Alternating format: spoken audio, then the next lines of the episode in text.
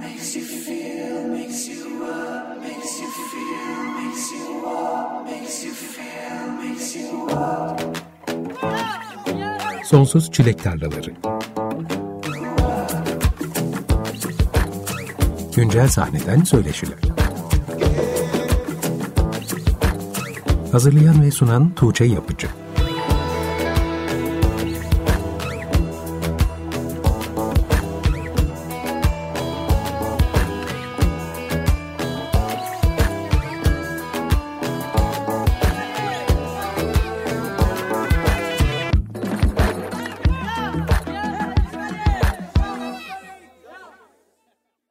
95.0 Açık Radyo'dan Sonsuz Çilek Tarlaları programından herkese merhaba. Ben Tuğçe Yapıcı. Programı Cabbar'ın Anka adlı parçasıyla açtık. Bu akşam konuğum da sevgili Cabbar. Hoş geldin Cabbar.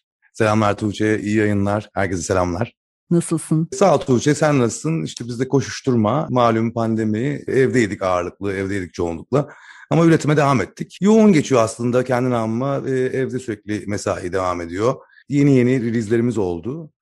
E, yoğun geçiyor diyebilirim overall bu anlamda. Seninle 2019 Mayıs'ta Açık Radyo'da buluşmuştuk en son. Bize şahane canlı performanslar da yapmıştın. Hiç nazlanmadan programda bütün şarkıları canlı çalmıştın.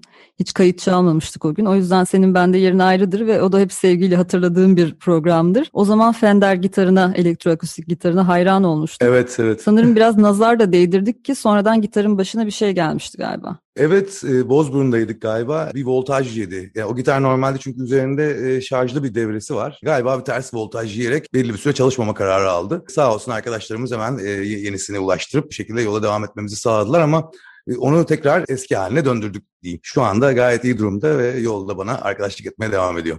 Bunu duymak rahatlattı şimdi. Teşekkür ederim. Sağ olun sorduğunuz. Az önce söylediğin gibi yeni release'lerin oldu. 28 Mayıs'ta hem anlattım hem dinledim adlı yeni bir şarkı yayınladın. 4 Haziran'da bir seri halinde devam edecek olan compilation albümlerinin ilki olan Dinlersin çok EP'si yayınlandı. Hı hı. Bunlardan programın ilerleyen dakikalarında ayrıntılı bahsedeceğiz. Hı hı. Ama ilk olarak seninle bir arayı kapatalım istiyorum. Son bir buçuk sene nasıl geçti? Görüşmeyeli neler yaşadın?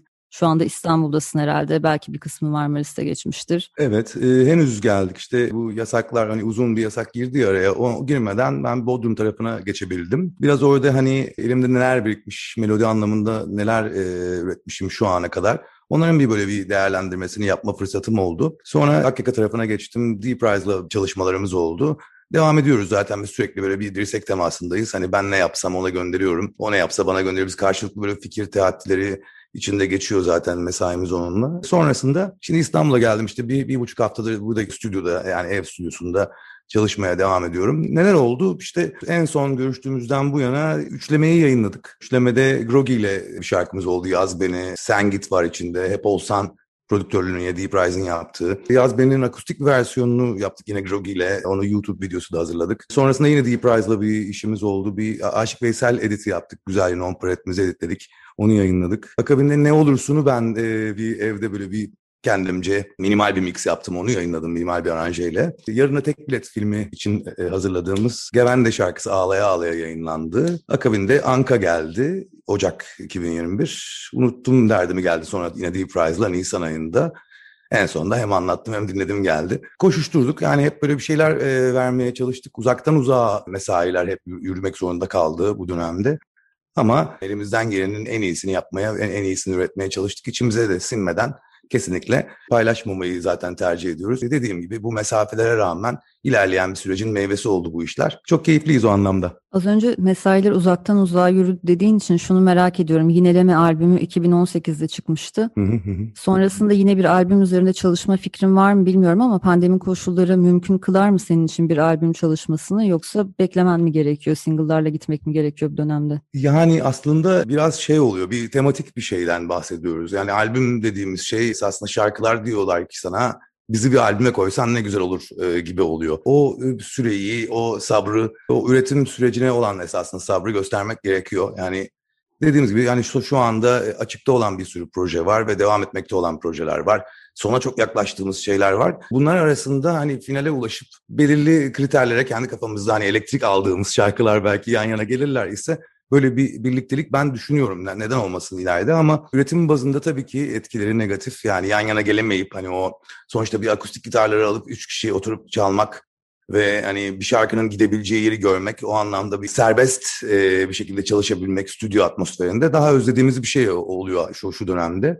Biraz daha tek başımızdayız ve fikir teatleri bir şey kaydedip tekrar onu onu gönderip oradan bir reaksiyon alma üzerine kurulu. Biraz da tabii araya bir bir fasıla girmiş oluyor. Çünkü yan yana gelip şarkının gidebileceği yerleri beraber görme şansı stüdyo kayıt süreçlerinde daha çok yaşadığımız şeyler. Dediğim gibi öyle öyle bir birliktelik ile beraber bence dediğin gibi albümün finalize süreci de hızlanabilir diye hissediyorum ama şu dönemde dediğin gibi mesafelerin de hesaba katılmasıyla beraber böyle release şekilleri belki de daha uygun oluyor. E, bir de planlamayla da ilgili oluyor aslında her şey. Bazı sanatçılar uzaktan uzağa çalışmaya zaten alışkınlardı aslında pandemi öncesinde de. Senin öyle pratiğin var mıydı yoksa bu dönemde mi geliştirmek durumunda kaldın? Var aslında. Biraz tek başına olmak ve üretim sürecinde tek başına devam et, etmek zorunda olmak gibi bir durum vardı aslında. Kendi şarkılarım için oluşturmak e, durumunda kaldım. Altyapılardan başlayan bir alışkanlıkla beraber hani evde tek başına prodüksiyon yapabilir hale geldik e, açıkçası. Tabii bu işte Deep Rise'la buluşmak, o iki farklı müzik anlayışının yan yana gelip bambaşka bir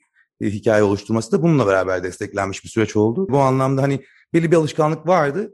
Bu dönemde de bu yalnızlık bir şekilde e, başka şeylere dönüştü diyebilirim ben kendime ama. Daha önce bir yerde Yineleme albümdeki her parçayı bir single gibi düşünerek hazırladığınızı söylediğini hatırlıyorum. All filler no killer diye bir tabir vardır. Senin de tam tersine aslında albümdeki bütün parçalar all killer no filler sayılabilecek cinstendi. Çok teşekkür ederim. Böyle feedback almak çok değerli benim için. Ama zaten çalışılan ekip açıkçası göz önünde bulundurulduğu zaman çok yetkindi. Yani süreç sürecin kendisi de çok demlenerek oluştu ve e, ağır ağır hissettik her şeyi. Yani hiçbir şarkıya dediğim gibi kendi içimizde yüzde yüz hissetmeden okey bu oldu demedik hiçbir zaman. O yüzden de hani o, o ince eleyip sık dokumanın finalde bize sunduğu şey olduğu için yineleme benim için çok çok müstesna, çok ayrı bir yerde duruyor. İşte Alper Sönmez, Safa Hendem, işte Emin İnal, Memduh Akatay, Çağlar abi, Çağlar Türkmen, Mehmet Cem Ünal. Hani etrafımızdaki müziğe dair aklımıza gelen o albümde çalışmak istediğimiz herkese çalışabilme şansını bulduk açıkçası. İşte İstanbul Strings onlar da dahil oldular. Baştan sona hani benim de oturup başka müzisyenlerin benim şarkılarıma bakış açısını gördüğüm farklı bir iş olduğu için dediğiniz gibi hani o her şarkıya özenip hani step by step böyle sonuna doğru ulaşmış olmak ve ortaya çıkan da o güruhun böyle hissettiriyor olması beni de çok mutlu eden bir şey aslında. Bu single olarak da yayınladığın tüm parçaların aslında hit statüsüne erişen parçalar olması bende senin yayınladığından çok daha fazla yazdığın parça olduğu hissini uyandırıyor. Az önce şunu da söyledin aslında içimize sinmeden hiçbir şekilde yayınlamayı tercih etmiyoruz dedin. Evet evet yani o devam eden dedim ya az önce yani devam etmekte olan şeyler var projeler var hani açıyorsun belki küçük bir şey istiyor senden bir bridge istiyor veya bir pre-chorus bir şey istiyor. Ee, ama belki onu o anda yapmak istemiyorsun ama yolda giderken aklına başka bir şey geliyor. Oraya bir, bir şey adapte ediyorsun ve hop bir anda finalize olabiliyor esasında şey şarkı. Şu an devam etmekte olan ve final görmemiş ama finale yakın hissettiren şeyler de var. Ama onların çözülmesi bir anlık hissiyatla çok böyle spontane oluyor. Dediğim gibi böyle her an her şey olabiliyor şey e, şarkıların finalize olması sürecinde. Öyle e, çok aday var diyebilirim. Kenarda köşede devam etmekte olan, üzerine böyle küçük küçük e, detaylar eklemekle e, meşgul olduğum işler de var diyebilirim. Ama tabii e, önümüzdeki dönemde de yayınlamayı planladığımız e, şeyler de var diyeyim. Keyifli ilerliyor benim için süreç. Çünkü müzik üretim süreci hep sizi meşgul tutan ve, ve cidden hani yüzde yüz konsantrasyonunuzu arz eden bir durum. O yüzden de çok e, esasında şu dönemde biraz daha vakit ayırabildiğim için de farklı e, projeler hiç beklenmedik yerlere gelebiliyor diyeyim. Genel anlamda aceleci davranmadığını tahmin ediyorum senin müziklerini yayınlarken. Yani bir şarkıyı aslında demlenmesi için ihtiyaç duyduğu vakti verip bir an önce yayınlayalım, bol bol şarkı yayınlayalımdan ziyade bu şarkı belki de işte 5 senede tamamlanacaksa 5 senede tamamlansın diye mi düşünüyorsun? Yani aslında biraz öyle çünkü dediğin gibi demlenme süreci o %100 olduğunu hissetmek tamam. Belki işte hani oradaki kick drum'ın Acaba basın olduğu yeri biraz kaplıyor mu? Onu oradan biraz alsak mı? Böyle de, deli sorularla geçiyor o e, üretimden sonra gelen hani o fokus grup süreci vardır ya arkadaşlarına dinletirsin. Orada neler hissettiklerini yani bir şarkının hissiyata dönüşmesini esasında e, ilk birebir elden görebildiğim dizayn o. Oradan aldığın reaksiyonlar da tabii sana güzel fikirler verir. Süreç kendi namına bence ne kadar uzun olsa o kadar iyi değil ama bazen bir şeyi karar vermek çok hızlı oluyor. O da yani çünkü çok doğru elementler yan yana geliyor ve çok fazla uğraştırmadan seni şarkı finalize ediyor kendi kendine. Ama bazen de daha böyle hassas şarkılar var. Onlarla biraz daha vakit ayırmak gerekiyor. Onları biraz daha e, can kulağıyla dinleyip neye ihtiyacı olduğunu duymak gerekiyor. Ben de hani o, o süreçte çok da aceleci davranmanın doğru bir şey olduğunu da hissetmiyorum hiçbir zaman. O doğru hissetmek de yani bir şeyi yayınlamak ile ilgili o, o frekansta iyi, iyi bir yerde duruyor bence. Hissettiğiniz şey çünkü sizi bambaşka bir yere götürüyor. E, evet hani orkestra anlamındaki feeling, kayıt anlamındaki feeling ve genel anlamdaki şarkının arz ettiği bütünlükle ilgili olan o feeling'i size veriyor ise zaten tamam diyorsunuz artık hani bunu da artık insanlarla buluşmasının vakti geldi. O o, o çok tatlı da bir süreç. Ben de hani böyle dediğim gibi uzun sürse de esasında o beklemekten de keyif almak diye bir şey var bazen. Şimdi insanlarla buluşmasının vakti gelen bir parça var elimizde. 28 Mayıs'ta yayınlanan Hem Anlattım Hem Dinledim adlı parça. İstersen dinleyelim bu parçayı ardından sana bu şarkıyla ilgili soracağım sorular olacak. Tamamdır. 95.0 Açık Radyo'da Sonsuz Çilek Tarlaları programı devam ediyor. Bu akşam konuğum Cabbar. Kendisinden hem anlattım hem dinledim adlı en taze parçasını dinledik. 28 Mayıs'ta yayınlanmıştı bu parça. Cabbar sadece şarkının ismi bile yani hem anlattım hem dinledim ifadesi benim için son bir buçuk senenin özeti gibi. Kendinde muhabbetin iyi midir? Yani e, biraz dediğin gibi esas şarkı ismiyle de birçok şeyi ifade ediyor. Yalnızlığın hissiyatını veriyor. Tabii ki kendi kendimize bazen konuşmak ihtiyacında da oluyoruz. Ve muhabbetin iyi midir onu bilemiyorum tabii. Onu nasıl anlatabilirim bilmiyorum ama e, insanın kendi kendine eleştirmesi, bazı konularda kendi kendine düşünürsün, derin derin düşünürsün bazı şeyleri. Bu, bu da bir, bir nevi konuşma aslında. Hem anlattım hem dinledim. Bir yalnızlık hikayesi. Çok da fazla dinleyenin olmadığı bir süreçten geçtik hep beraber. Kalbime yakın bir şarkı oldu. Ben çok mutluyum hani bütün üretim süreci anlamında. Sözleri bazında hani düşünürsek dediğiniz gibi bir tek başına kalmışlık. İşte bir şeylerin senden habersiz veya senden bir şekilde uzak bir şekilde oluyor olmaya devam etmesi. İşte doğanın kendi düzenine devam etmesi ancak işte e, bizim evde olmamız ve hani buna şahitlik edemiyor olmamız baharın gelmesine gibi bir, bir hikayeden e, bahsediyor aslında. Bunun beraberinde oluşan müzikal yapı esasında böyle bir bir beraber oluştu neredeyse şarkı diyebilirim. Hani altyapısı biraz chill, biraz lo-fi tadındaki o, o design esasında şarkının sözlerini de beraberinde taşıdı diyeyim. Yani çünkü bazı süreçlerde bazı şeyler yazıyorsunuz. Sonra diyorsunuz ki yani böyle bir şeyle yan yana gelse ne olur? Hem anlattım hem dinledim biraz hem altyapısı hem sözleri böyle beraber oluşan bir şarkı oldu. Ve acelesi olmayan bir şarkı bir kere. Onu çok, çok seviyorum. İlyas Yalçıntaş çok, çok renklendirdi attığı o lead gitar solosuyla. Alper Sönmez çok güzel bir omurga çizmiş oldu. Ya, yaptığı o bassline çok çok başka bir seviye oldu şarkıda. Osman işte Osman zaten celloları çaldı girişte.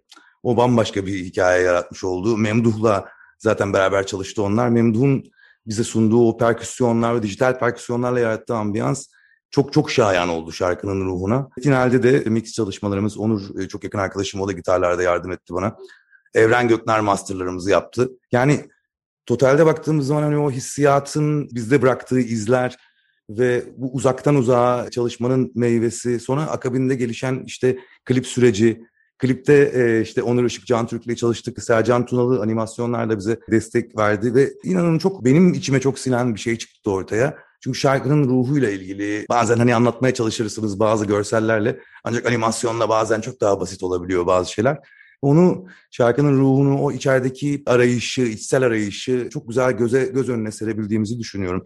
O anlamda da şarkının müzikal üretim süreci hem de videonun üretim süreci bazında çok içimize sinen bir, bir süreç oldu. Ve dediğin gibi yakın zamanda da paylaşmış olduk dinleyenle. Çok çok mutluyum açıkçası. Böyle bir dönemde böyle bir dönemi kendimce kelimelerle anlatan bana neredeyse sadece şahsi bir not gibi esasında biraz da olan bir şarkı olmuş oldu. Dediğim gibi emeği geçen herkese, kocaman ekip, emeği geçen herkese Buradan yürek dolusu teşekkür olsun. Ne zaman yazmıştın bu şarkıyı tam? Pandemi dönemi ürünü mü? Evet, geçen sene ilkbahar diyebilirim ya. Geçen sene ilkbahar. Yani papatyaların açma e, şeyinden zaten biraz onu anlayabiliyoruz. Zaman geçiş dönemleri. Yani soğuk günler de vardı ama bahara yaklaşıyorduk. Onu biraz e, veriyor zaten. Şarkının sözlerinde de vermeye çalıştım e, belli belirli imgelerle. Dediğim gibi belli bir süredir de içimize muhafaza ediyorduk işte daha küçük küçük hareketlerle ne, nereye gidebilir, nasıl çok da rahatsız etmeden şarkıyı eklemeler, çıkarmalar ne yapmamız gerekiyor gibi.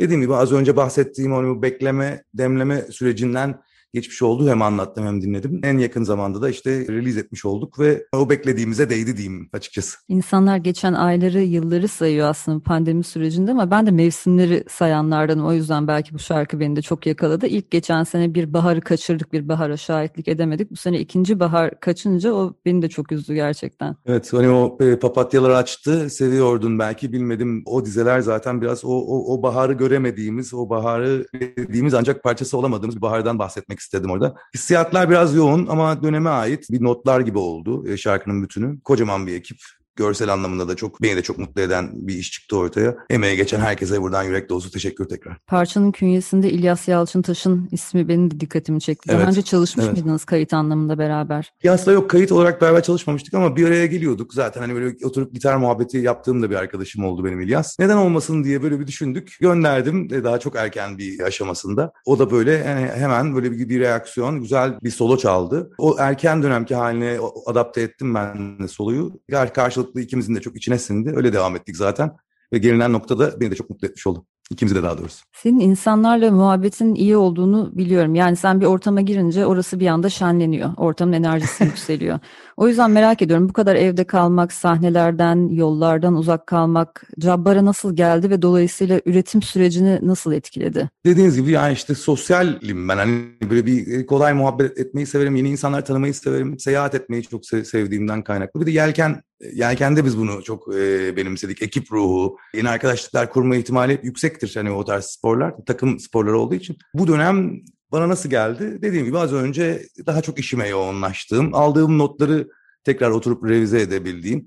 Hani biz olur ya hep yoldasınızdır, hep çalışmak durumundasınızdır.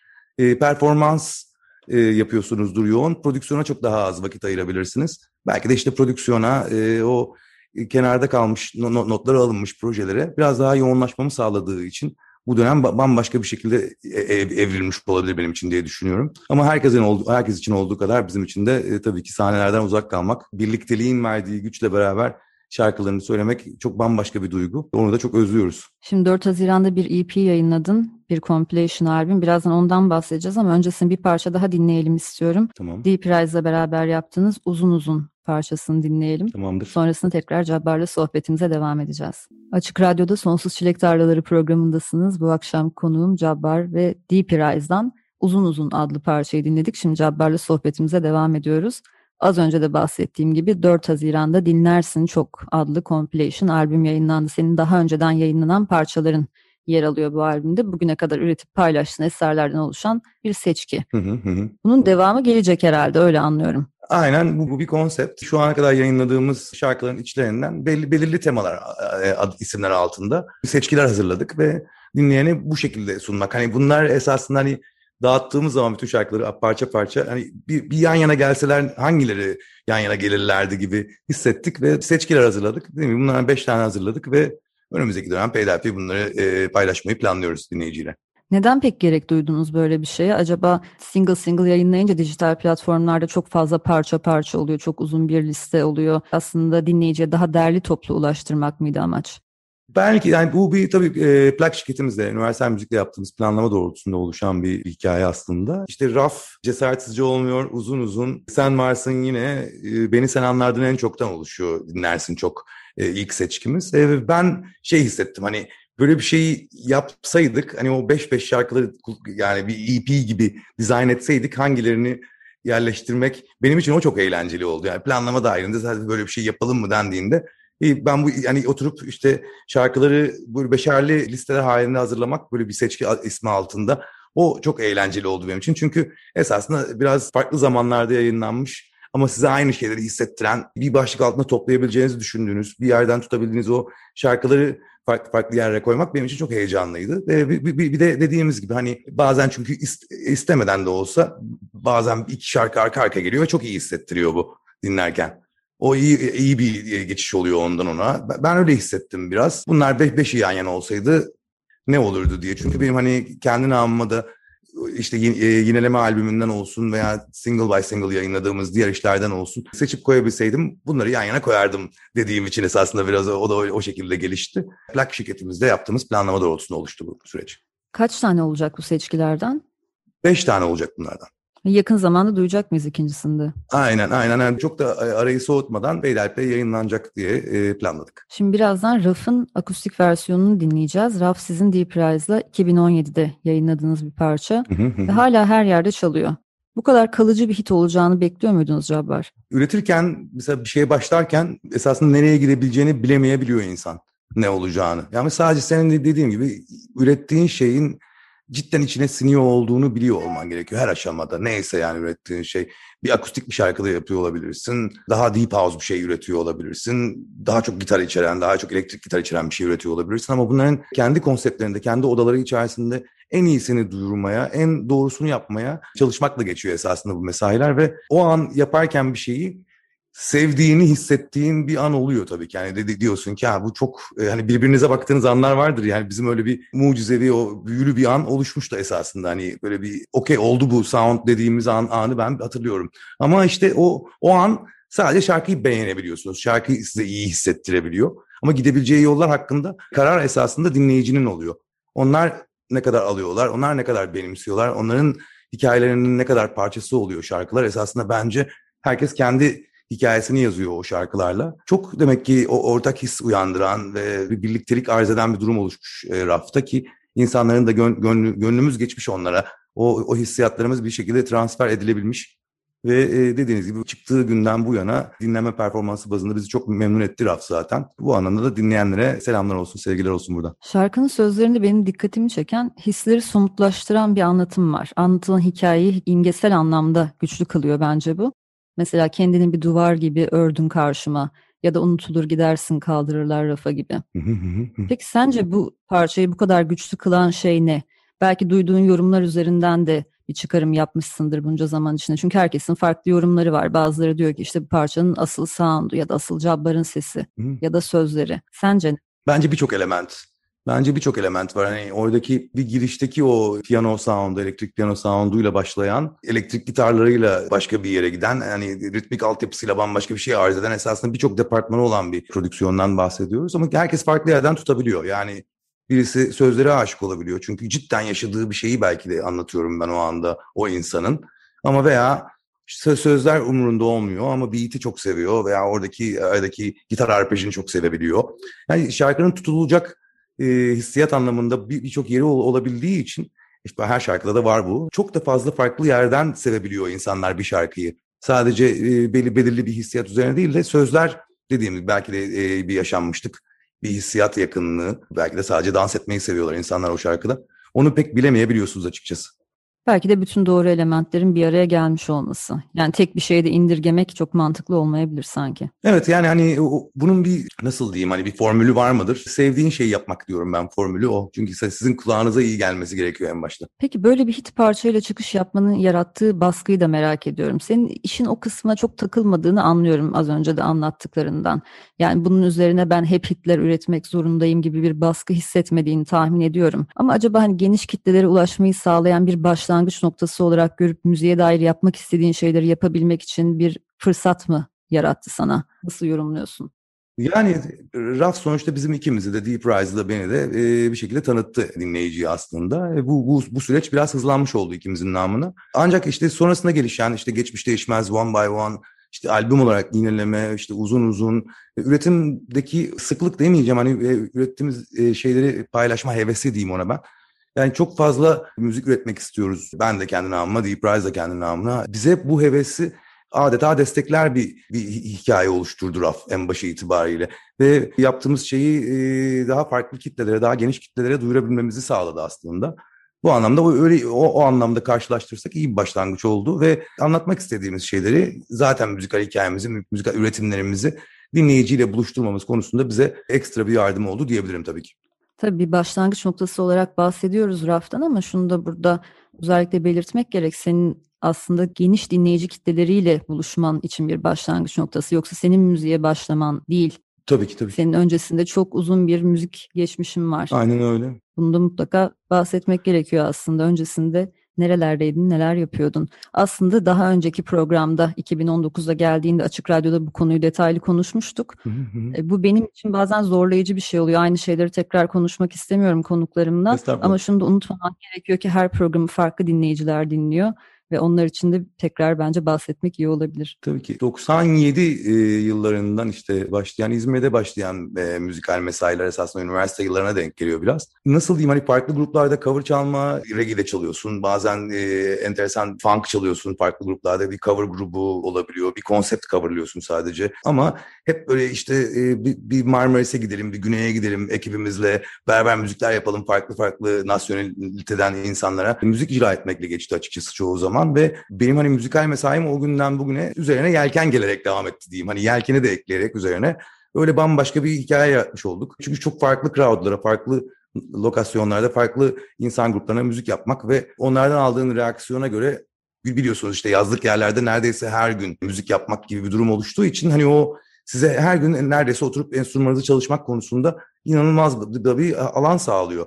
E bu sizin yani müzikal enstrümanınıza yaklaşımınız, işte practice anlamında hani daha iyi olmaya çalışma çabası içinde olmanız bir şekilde sizi hep müzikal anlamda, sound anlamında, songwriting anlamında da bir şekilde bir şeyler yapmaya iktiriyor zaten. O sürecin esasında sonu diyebiliriz. Yani bizim de Deep Rise'la buluşmamız onun da kendi geliştirdiği hikayesi var. Sonuçta o da yıllardır DJ'lik yapıyor, performans yapıyor ve oradan prodüksiyona evriliyor bazı şeyler ve bir şeylerin tabii daha ön önceliğinin olması ancak yolların orada buluşması ve o hikaye sayesinde dinleyicimizle esasında buluşmuş olmamız hikayesi diyebilirim buna.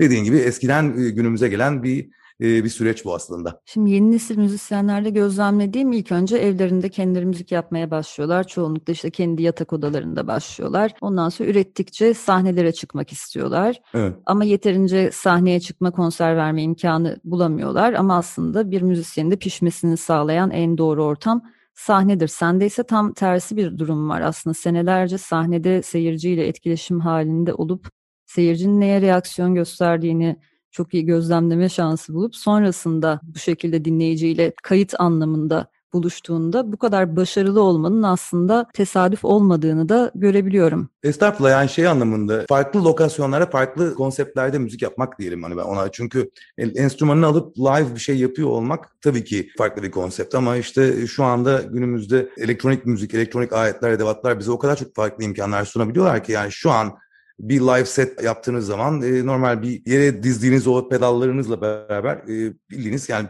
bir şarkıyı sıfırdan produce edip onu e, dinleyiciyle buluşturabiliyorsunuz. Tek başına da yapabiliyorsunuz bunu. Ama tabii grupla çalmış olmanın verdiği o heyecanı al, almış olmak da farklı bir heves yani yaratıyor. Çünkü live çalmak, bir ekiple beraber çalıyor olmanın hissiyatı da bambaşka. Yani hepsinin lezzeti ayrı diyeyim. Hani onların hepsini konsept olarak müzikal anlamda bir şekilde mesaiye dahil etmek sizi nasıl diyeyim çok yönlü yapıyor olabilir. Bu, bu da prodüksiyona da yansıyor. Yani üretim aşamasına da yansıyor. Çünkü stüdyoda kullandığınız aletlerin bir nevi farklı bir dizaynlarını esasında prodüksiyon yaparken de kullandığınız için orada bir pozitif transfer de söz konusu oluyor aslında. Senin ismin olan Cabbar da aslında eski grubunuzun ismiydi değil mi? Aynen öyle. Aynen öyle. Aynen öyleydi. Böyle bir hikaye de var. Tabii, tabii. Kerim Abdül Cabbar'dan alıyor ismi. Harika. Eskiden notlar alınmış. Harika. Çok güzel. Bunları hatırlıyorum artık ezberledim. güzel. Çok güzel. Şimdi Raf'ı dinleyelim mi ne dersin? Harika olur. Cabbar'dan Raf'ın akustik versiyonunu dinliyoruz. Ardından tekrar sohbet etmeye devam edeceğiz. 95.0 Açık Radyo'da Sonsuz Çilek Tarlaları programının son bölümündeyiz. Cabbar'dan Raf'ın akustik versiyonunu dinledik. Cabbar Açık Radyo'da Uzun Hikaye adlı bir programımız var. Muzaffer Çorlu yakın zamanda Soner Sarıkabadayı konuk etmişti. O da şöyle bir şey diyor, pop müzik üzerine konuşuyorlar bu arada. Bir şarkı güzelse güzeldir, değilse değildir. Bunu aranjeyle biraz daha güzelleştirebilir miyiz diye yaklaşırım ama bir şarkıyı tek başına gitarla hatta gitarsız çıplak sesle mırıldandığımda bir şey ifade etmiyorsa onun altına hangi sound'u, hangi enstrümanı koyarsak koyalım ne kadar ne ifade edebilir ki diye bir şey söylüyordu. Bu dikkatimi çekti. Hı hı. Bir yandan da senin programına hazırlanıyordum. Şunu düşündüm. Sen geçen geldiğinde bütün parçaları canlı çalmıştık programda. Hiç kayıt çalmamışız. Sen de öyle bir talepte bulunmamışsın. Konuklarımızı davet ettiğimizde işte canlı performans işini konuşuyoruz. Yapabilir miyiz, nasıl olur diye. Bazen diyorlar ki biz bu parçaların sound'una, bu albüme çok uğraştık.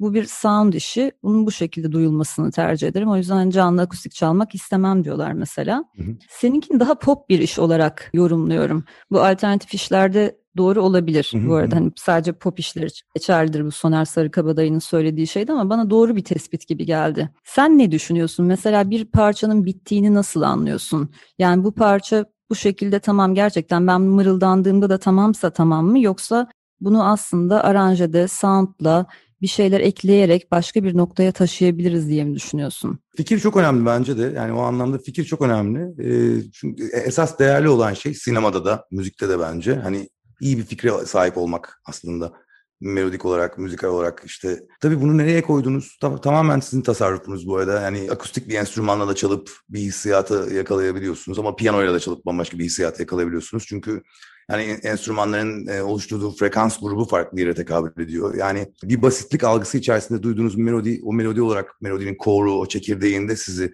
çok yakalıyorsa zaten hani onu e, doğru odalara yerleştirip farklı bir dizaynlarda işte belki bir reggae formatta, belki bir e, Deep House formatında veya bambaşka bir akustik formatta yayınlayabilir hale getiriyorsunuz açıkçası. Ama ya tam olarak bir şarkının dediğim gibi hani basit olarak icra edildiği zaman karşıda bıraktığı o akılda kalıcılık, belki de o nakarat hissiyatı, belki de onu nakarata getiren, hazırlayan bütün o e, melodik design. Yani e, bilemiyorum birçok şey var bence hani şarkı, bir şarkıyı benim anlamında kendi namıma sevmemi sağlayan. Ama basitlik önemli bir şey tabii ki bir şarkının basit bir şekilde icra edilebilir. Sözleri o, o basitlik içerisinde kolay taşıyabilir bir hal içerisinde olması. Yani tek başına bir insanın şarkıyı oturup çalıp söyleyebiliyor olması bence e, basitliği, anlatılabilirliği de içinde tutuyor diye hissediyorum. Jabbar'ın sound'unu da çok kendine özgü bulan dinleyiciler var ama sen canlı performanslarda hem bandle de herhalde çıkıyorsun. Daha Deep Rise'da elektronik şeyler de yapıyorsunuz ama akustik tek başına da çıkıyorsun. Evet, evet. Yani şarkı akustik yorumlandığında kendinden bir şey kaybedeceğini düşünmüyorsun herhalde. Yani e, ne oldu şarkıların edi, editi, editini yapmış oluyorsun aslında şarkının. Şarkıya bir live bir edit yapmış oluyorsun o anlamda. Sonuçta bir, bir, bir e, şarkının tabii ki tek başına oturup birçok enstrümanı canlı çalma ihtimalin çok az. Yani hani bir live looping e, mekanizmaları var işte Roland'ın var, birçok markanın var. Farklı farklı sahnede canlı e, bir şekilde üst üste kayıt yapabilmenizi sağlayan mekanizmalar var. Ki Ed Sheeran çok kullanır bunları. Bunlar sayesinde de şarkının hani A'sını, B'sini, farklı melodilerini, farklı e, fragmanlarını, segmentlerini oluşturup şarkıyı çalarken produce ede- edebiliyorsunuz demiştik az önce ya. Böyle şeyler de yapabiliyorsunuz ama dediğiniz gibi hani şarkının en çekirdeğinde oturup e, akustik gitarla icra edip bir şekilde sözlerini anlatabilmek, o melodiye e, melodiyle beraber yakınlarınıza, arkadaşlarınıza sunabiliyor olmak farklı bir heyecan, farklı bir heves, farklı bir edit esasında o da. Şarkının çünkü stüdyo anlamında da, e, prodüksiyon anlamında da bir sürü emek harcanıyor ve işte pedler, kickler, baslar, bir sürü bir sürü müzikal elementler yan yana geliyor ve başka bir dünya yaratılıyor. Onun da tadı farklı bence ama e, akustik bir şarkıyı çalıp e, basit bir melodiyle iletebiliyor olmanın da tadı farklı bence. Ve işte her versiyonda o şarkının hala tatmin ediciliğini koruması. Bu herhalde kilit bir şey bu noktada. Yani işte dedim ya ben bazen de şey oluyor hani e, synth enstrüman çok seviyorsunuz mesela. O synth içinde barındıran şarkıları tercih ediyorsunuz dinlemeyi. Belki de hani o şarkıyı o şekilde de e, icra etsen bazı mekanikler çalışıyor. Ama akustikte de icra etsen bazı mekanikler çalışıyor. Ama yani ekleyip çıkarmak onu bilemiyorum. Tabii o herkesin kendi tasarrufu, kendi fikri. E, ama bazen dediğim gibi hani o basitlikten iyi hikayeler çıkabiliyor. Yani bir, bir şeyi groove etmesini sağlayan bir kelime oluyor bazen. Hani o tweak etmek diyorlar ya bir, bir, bir şey o duyulmasından duyulması gerekenden belki de daha fazla duyuluyor ve o sizi şarkıya aşık eden unsur belki de o oluyor. Yani bunu hiç bilemeyebiliyor biliyorsunuz bazen. Bir röportajında bence iyi müzik yapmak, iyi müzik dinlemek demek diye bir şey söylediğini duydum. Seni takip etmeye başladıktan sonra Instagram'da ne kadar fazla müzik paylaştığın dikkatimi çekti Cabbar. Hatta hiç bu kadar fazla dinlediği müzikleri paylaşan bir sanatçı görmediğimi de söyleyebilirim rahatlıkla. Müzisyenlerle konuştuğumda çoğunlukla bir noktadan sonra özellikle profesyonel olarak müzikle ilgilenmeye başladıktan sonra müzik dinlemekle ilişkilerinin değiştiğini, eskisi kadar müzik dinlemediklerini söylüyorlar ya da artık sürekli geri döndükleri kendileri için klasikleşmiş şeyler olduğunu ama müzik hı hı. keşfetmeye eskisi kadar aç hissetmediklerini anlatıyorlar. Hı hı. Senin ise hem eskilere dönüp tekrar tekrar baktığını hem de sürekli yeni şeyler keşfettiğini görüyorum. 2017'den beri rafla başlayan süreçte aslında senin uzun senelerde süren müzik kariyerinin daha geniş kitlelere ulaşmasıyla birlikte müzikle ilişkinde değişen bir şeyler oldu mu müzik dinleme pratiklerinde? Ya şöyle söyleyeyim benim hayatımda çok spor var. Yani ben bisiklete binmeyi çok seviyorum. Bu pandemi sürecinde de evde de hani evde bir küçük bir antrenman bisikletim var. Ya cam kenarına koyuyorum işte dışarıya bakar bir şekilde takıyorum kulaklığımı müzik dinliyorum. Yani hani o müzik dinlemek benim için oradaki yaptığım şeyin dahilinde olan bir şey. Çok doğal bir şekilde dinlediğim için hani seviyorum. Yani biz benim müziğin hani taşımasına izin vermek vardır ya heveslendiriyor sizi belki daha hani interval çalışıyorsunuz, daha sık pedal yapmaya başlıyorsunuz, daha hızlı bir şarkı çalıyorsunuz, daha hani o BPM'lerle müziği bir şekilde hani dinlemek, müzik yani spor yaparken dinlemek beni çok eğlendiriyor. Önceden bunu Marmaris'te doğa içinde yapıyordum tabii.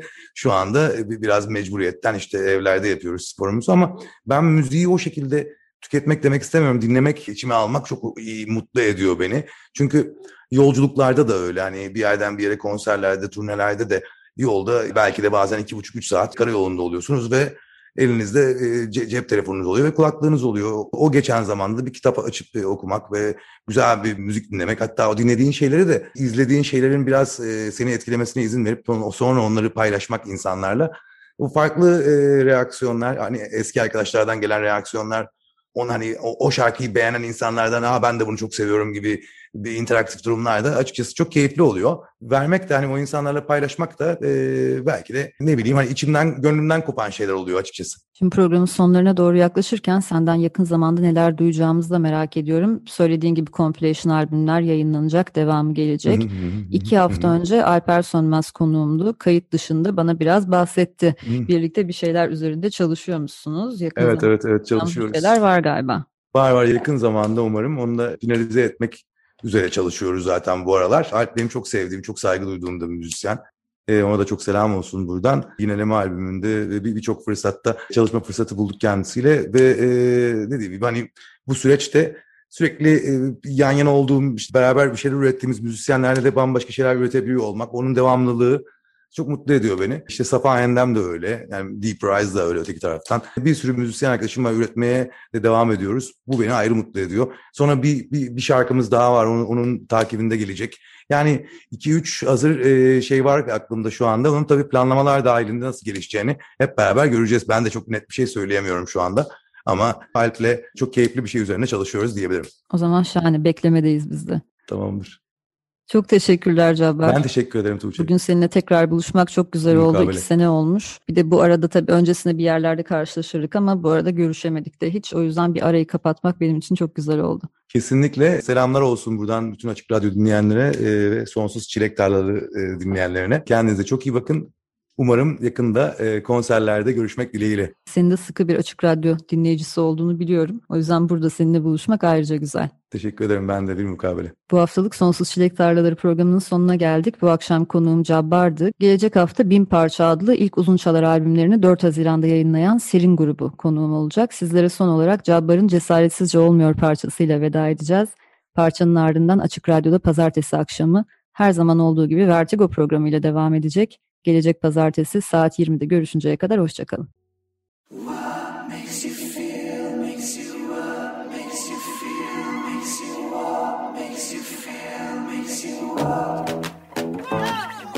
Sonsuz Çilek Tarlaları Güncel sahneden söyleşiler Hazırlayan ve sunan Tuğçe Yapıcı